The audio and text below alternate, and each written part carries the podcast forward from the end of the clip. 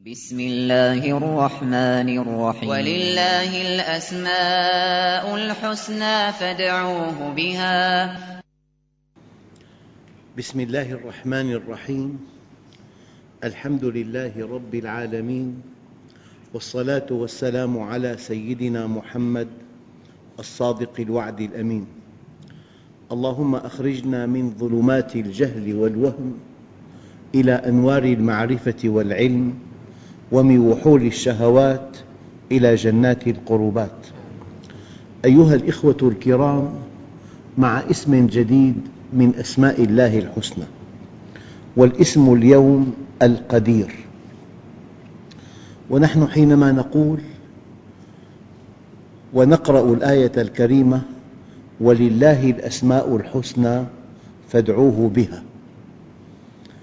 إذا أسماء الله عز وجل كلها حسنى وصفاته كلها فضلى والإنسان في أصل فطرته مفطور على حب القدير. هناك ضعف في أصل خلق الإنسان. هذا الضعف لصالحه. هذا الضعف الذي في أصل خلق الإنسان أحد أسباب تدينه. حتى الذين يؤمنون بديانات أرضية ليس لها أصل عند الله سبحانه وتعالى.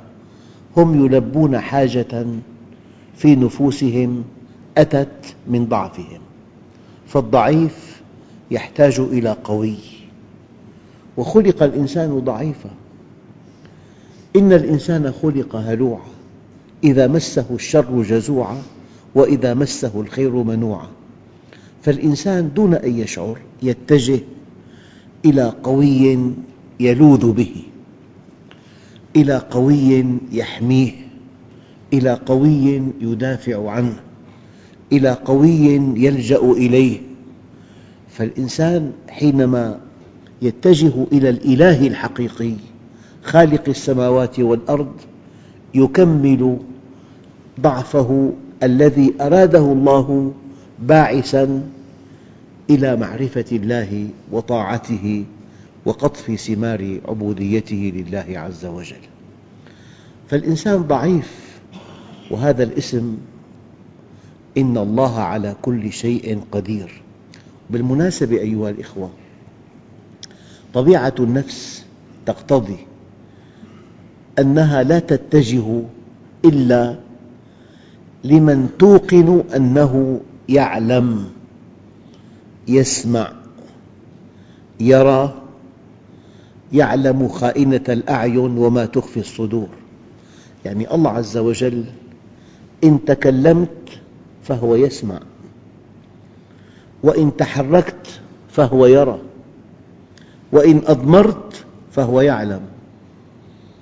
يسمعك إذا دعوته ويراك إذا توجهت إليه ويعلم سرك وجهرك.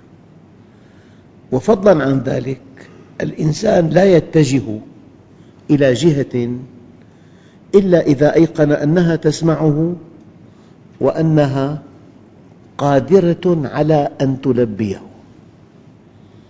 الإنسان بحاجة إلى مبلغ لا يذهب إلى إنسان فقير مضيعة للوقت. يذهب إلى من يتوهم أن عنده هذا المبلغ. إذا أنت تدعو من؟ تدعو من يسمعك وتدعو من هو قادر على حل مشكلتك وتدعو من يحبك. القوي الذي يعاديك لا تتجه إليه تتجه لقوي يريد أن يرحمك. فلمجرد أن تدعو الله عز وجل دقق لمجرد أن تدعو الله عز وجل أنت مؤمن بوجوده ومؤمن بسمعه وبصره وعلمه ومؤمن بقدرته ومؤمن برحمته. لذلك قال تعالى قل ما يعبأ بكم ربي لولا دعاؤكم فقد كذبتم. يعني الدعاء هو العبادة. في رواية أخرى الدعاء مخ العبادة. الدعاء هو العبادة. فلمجرد أن تدعو الله من أعماق قلبك وأنت موقن بأنه يعلم ويسمع ويرى وهو قادر على أن يلبيك وهو يحب أن يلبيك يحبك ويرحمك فأنت مؤمن. لذلك بعض الأسماء أحياناً أقرب إلى الإنسان من بعض الأسماء الأخرى. أنت إنسان ضعيف مفتقر إن الإنسان خلق هلوعا شديد الجزع حريص على ما في يديه وخلق الإنسان ضعيفا ضعفك وهلعك وشدة خوفك وحرصك على ما في يديك هذه الصفات التي هي صفات ضعف في أصل خلقك هي لصالحك. من هنا يأتي اسم القدير إنك تعتز بقوي. اجعل لربك كل عزك يستقر ويثبت. فإذا اعتززت بمن يموت فإن عزك ميت. أنت كمؤمن حينما تعتز بالله أنت أقوى الأقوياء. ورد في بعض الآثار إذا أردت أن تكون أقوى الناس فتوكل على الله. وإذا أردت أن تكون أغنى الناس فكن بما في يدي الله أوثق منك بما في يديك. وإذا أردت أن تكون أكرم الناس فاتق الله. إخوتنا الكرام لا يجتمع مرض نفسي مع الإيمان. لأن الله موجود. كل شيء بيده. تصور طفل أو شاب سيق للخدمة الإلزامية. والده قائد الجيش. والده. وفي بالجيش عريف ومساعد وملازم.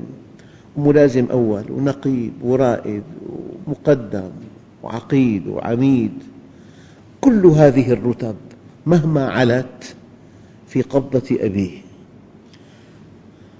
فإذا هدده عريف وبكى معناتها غبي جدا.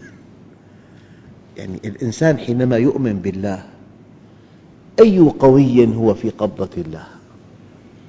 كل ما حولك بيد الله كل من حولك بيد الله كل من فوقك بيد الله كل من تحتك بيد الله. لا يمكن أن يقبل خوف وفزع وهلع وانهيار مع الإيمان بالله. بل إن الإيمان بالله أصل في الصحة النفسية. التماسك والقوة والمعنويات المرتفعة ومواجهة الأخطار بثبات ورباطة جأش تحتاج إلى إيمان. يعني القصص التي يرويها القرآن هي لمن؟ هي لنا. وقال أصحاب موسى إنا لمدركون. بالمنظور الأرضي باحتمالات النجاة صفر. فرعون بجبروته بقوته بأسلحته بحقده بطغيانه وراء فئة وشرذمة قليلة جدا مستضعفة خائفة وصلت إلى البحر وهو من ورائهم. وقال أصحاب موسى إنا لمدركون. قال كلا إن معي ربي سيهدين. الله عز وجل يريدك أن تثق به يريدك أن تكون مطمئناً لقدرته ورعايته. فلذلك من صفات المؤمن أنه واثق من نصر الله عز وجل. النبي عليه الصلاة والسلام حينما ذهب إلى الطائف وكذبه أهلها واستخفوا به واستهزأوا به وأغروا صبيانهم أن ينالوه بالأذى وسال الدم من قدمه. الآن قفل راجعا إلى مكة. يقول له زيد يا رسول الله كيف ترجع إلى مكة؟ وقد أخرجتك. أنا أتصور إذا كان هناك خط بياني للدعوة وصل الخط إلى النهاية الصغرى. يعني مكة أخرجته وكذبته وكفرت بدعوته واستهزأت به فلما لجأ إلى أهل الطائف فعلوا أشنع من فعل أهل مكة. ليس له أحد. فقال كلمة لا تنسى.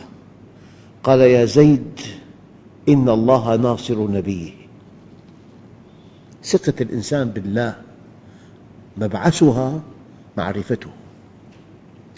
ولما انتقل من مكة إلى المدينة مهاجراً ووضعت مئة ناقة لمن يأتي به حياً أو ميتاً مكافأة على من يقتله أو من يقبض عليه. وهذا الرقم مئة ناقة رقم فلكي. في مقاييس ذلك العصر تبعه سراقة ليلقي القبض عليه أو ليقتله ويأخذ المئة ناقة. فقال له النبي الكريم بكل بساطة يا سراقة كيف بك إذا لبست سواري كسرى؟ ماذا, ماذا يقول؟ أنت ملاحق مهدور دمك. تقول كيف بك يا سراقة إذا لبست سواري كسرى؟ أي إنك سوف تصل إلى المدينة سالماً وسوف تؤسس دولة وسوف تنشئ جيشاً وسوف تحارب أقوى دولة في العالم وسوف تنتصر عليها وسوف تأتيك غنائم كسرى إلى المدينة ولك يا سراقة سوار كسرى. والآن أيها الأخوة العالم الإسلامي خط البيان في النهاية الصغرى في الحضيض. اصطلح العالم كله على محاربته.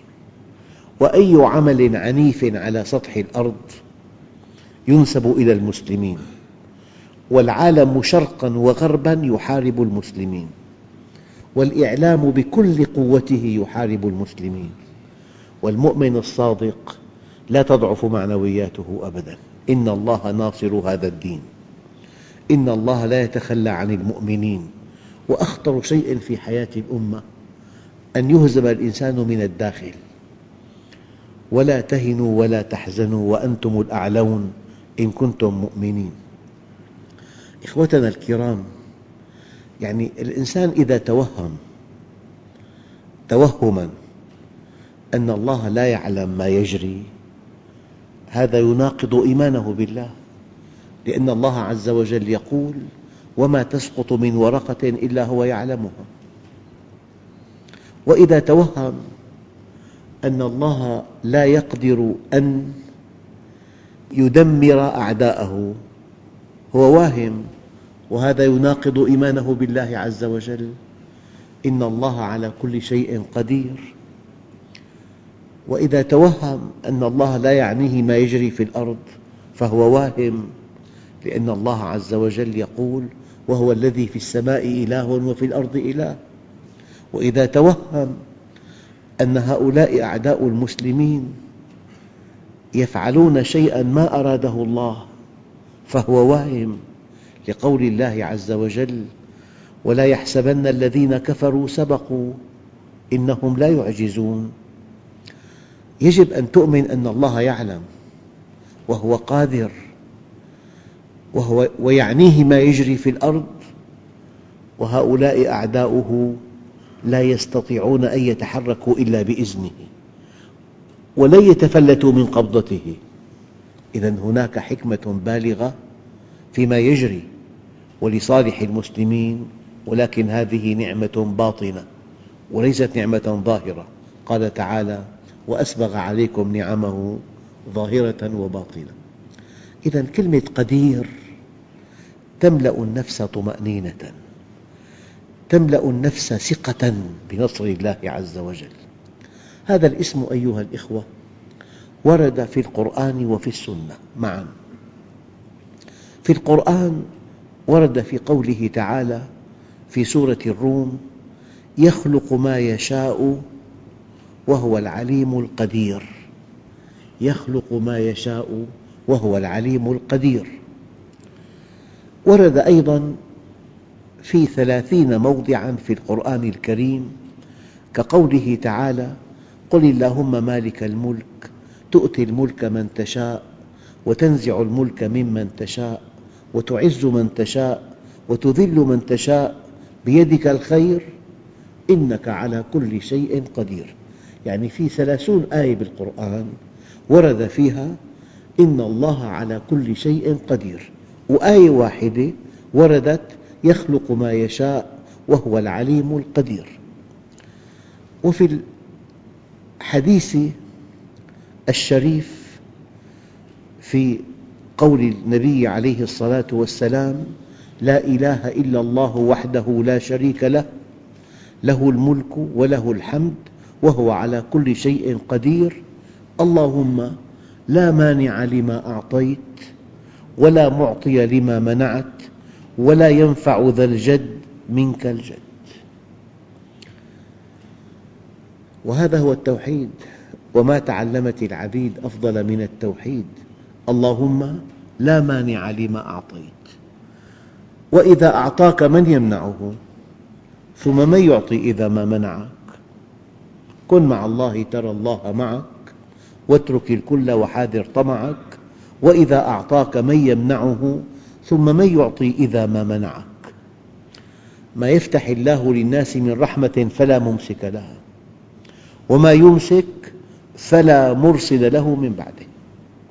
شيء آخر في ثلاثين موضع في القرآن الكريم ورد اسم القدير من هذه المواضع مثلا عسى الله أن يجعل بينكم وبين الذين عاديتم منهم مودة والله قدير والله غفور رحيم.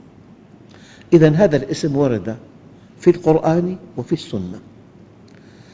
القدير من أي فعل اشتق؟ إما من التقدير وإما من القدرة. يعني الإنسان أيام يكون عالم. إذا عنده تقدير دقيق. وأيام يكون قوي عنده قدرة. وأنت أحياناً تلتقي مع إنسان بأعلى درجات العلم لكنه لا يملك أن ينفذ ما يطمح إليه. وقد تجد إنسان آخر في أعلى درجات القوة ولكن لا يعلم ماذا يفعل. قوي لا يعلم وعالم لا يقدر. تماماً كما ذكرت من قبل أحياناً الإنسان يقدر إنساناً ولا يحبه وقد يحب إنساناً ولا يقدره. يكون أب بتكون أم أحياناً بأعلى درجات الحب لكن لم يتح لها أن تكون مثقفة ثقافة عالية إلا أبن يحمل أعلى شهادة. يحب أمه حباً لا حدود له لكن في ميزان العلم لا وزن لها. وأيام يلتقي مع إنسان عالم كبير لكنه لئيم. يقدر علمه ولا يحبه.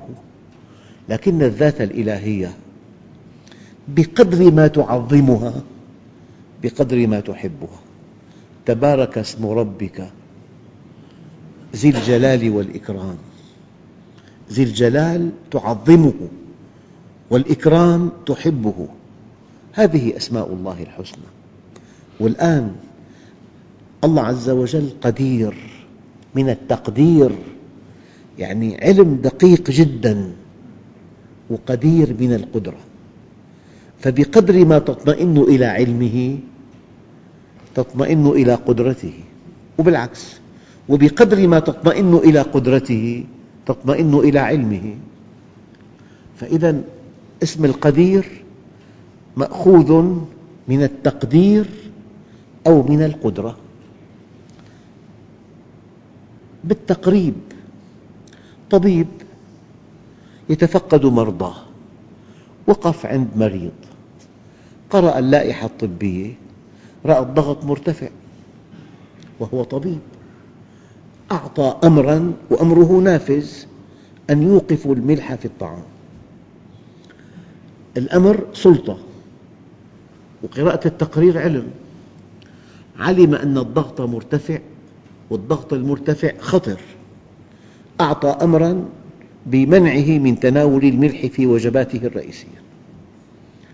يعني الله عز وجل قضاء وقدر القضاء علم والقدر تقدير. ما يرجع هذا الإنسان إلى الصواب. وهذا الاسم يدور مع الإنسان في كل شؤون حياته. يعني الله عز وجل علم من هذا الإنسان كبراً. هيأ له معالجة حكيمة وضعه بموقف وقد أهين به.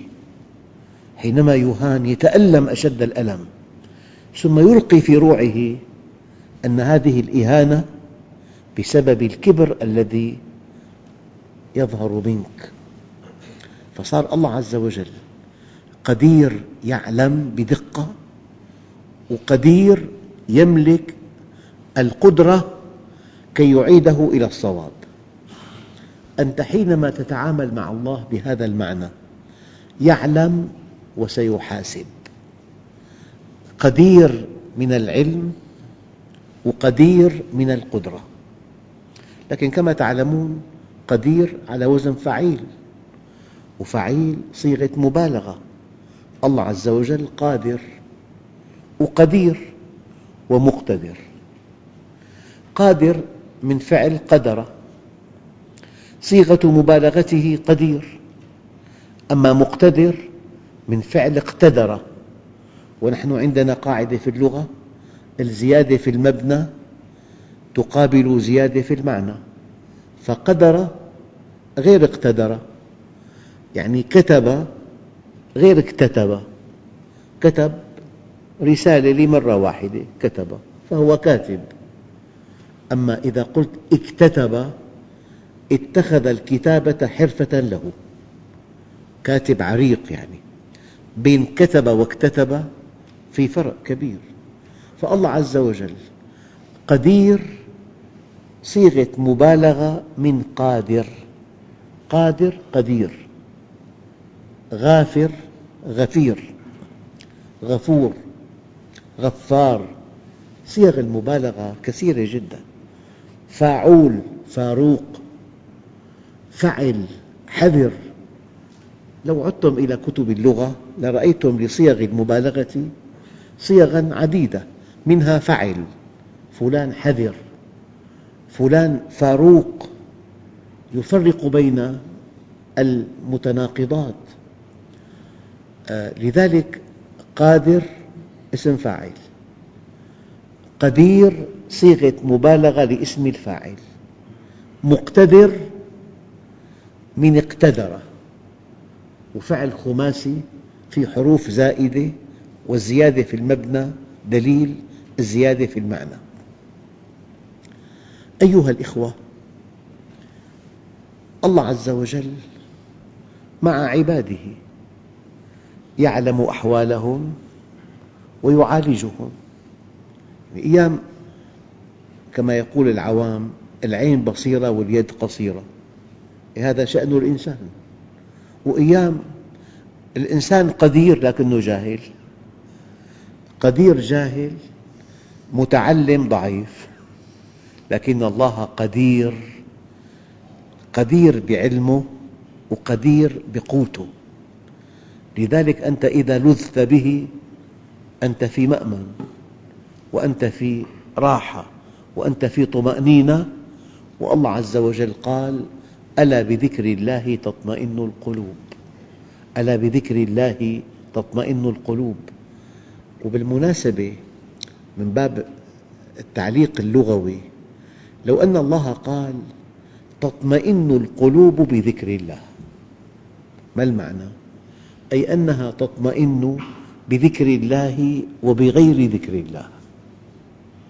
أما حينما يقول ألا بذكر الله تطمئن القلوب. يعني لا تطمئن إلا بذكر الله. ومستحيل وألف ألف ألف مستحيل أن تطمئن إلا إذا كنت مع الله لأن الله يعطي الصحة والذكاء والمال والجمال والقوة لكل الناس لكنه يعطي السكينة بقدر لأصفيائه المؤمنين. الأمن نعمة يختص بها المؤمن فأي الفريقين أحق بالأمن؟ إن كنتم تعلمون الذين آمنوا ولم يلبسوا إيمانهم بظلم أولئك لهم الأمن وهم مهتدون. إذا أيها الإخوة القدير من القدرة والقدير من العلم من التقدير. قدير من التقدير قدير من القدرة هو يعلم وقادر على أن يعطيك سؤلك. لذلك الدعاء مخ العبادة وهذا الاسم العظيم من أقرب الأسماء إلى الإنسان. أنت ضعيف هو قدير أنت فقير هو غني أنت لا تعلم وهو يعلم. يا رب أنا لا أعلم لكنك تعلم. أنا ضعيف لكنك قوي. أنا فقير لكنك غني. والإنسان المؤمن يقوى بمن يعبده. ضعيف لكنك مع القوي. أيها الإخوة الكرام معية الله لها نوعان. معية عامة وهو معكم أينما كنتم. في معية خاصة معية المؤمنين وهو معكم بعلمه. لكن الله مع المؤمنين معهم ناصراً وحافظاً ومؤيداً وموفقاً. إذا قال الله عز وجل إن الله مع المؤمنين أي معهم بحفظه. وتأييده ونصره وتوفيقه. والحمد لله رب العالمين.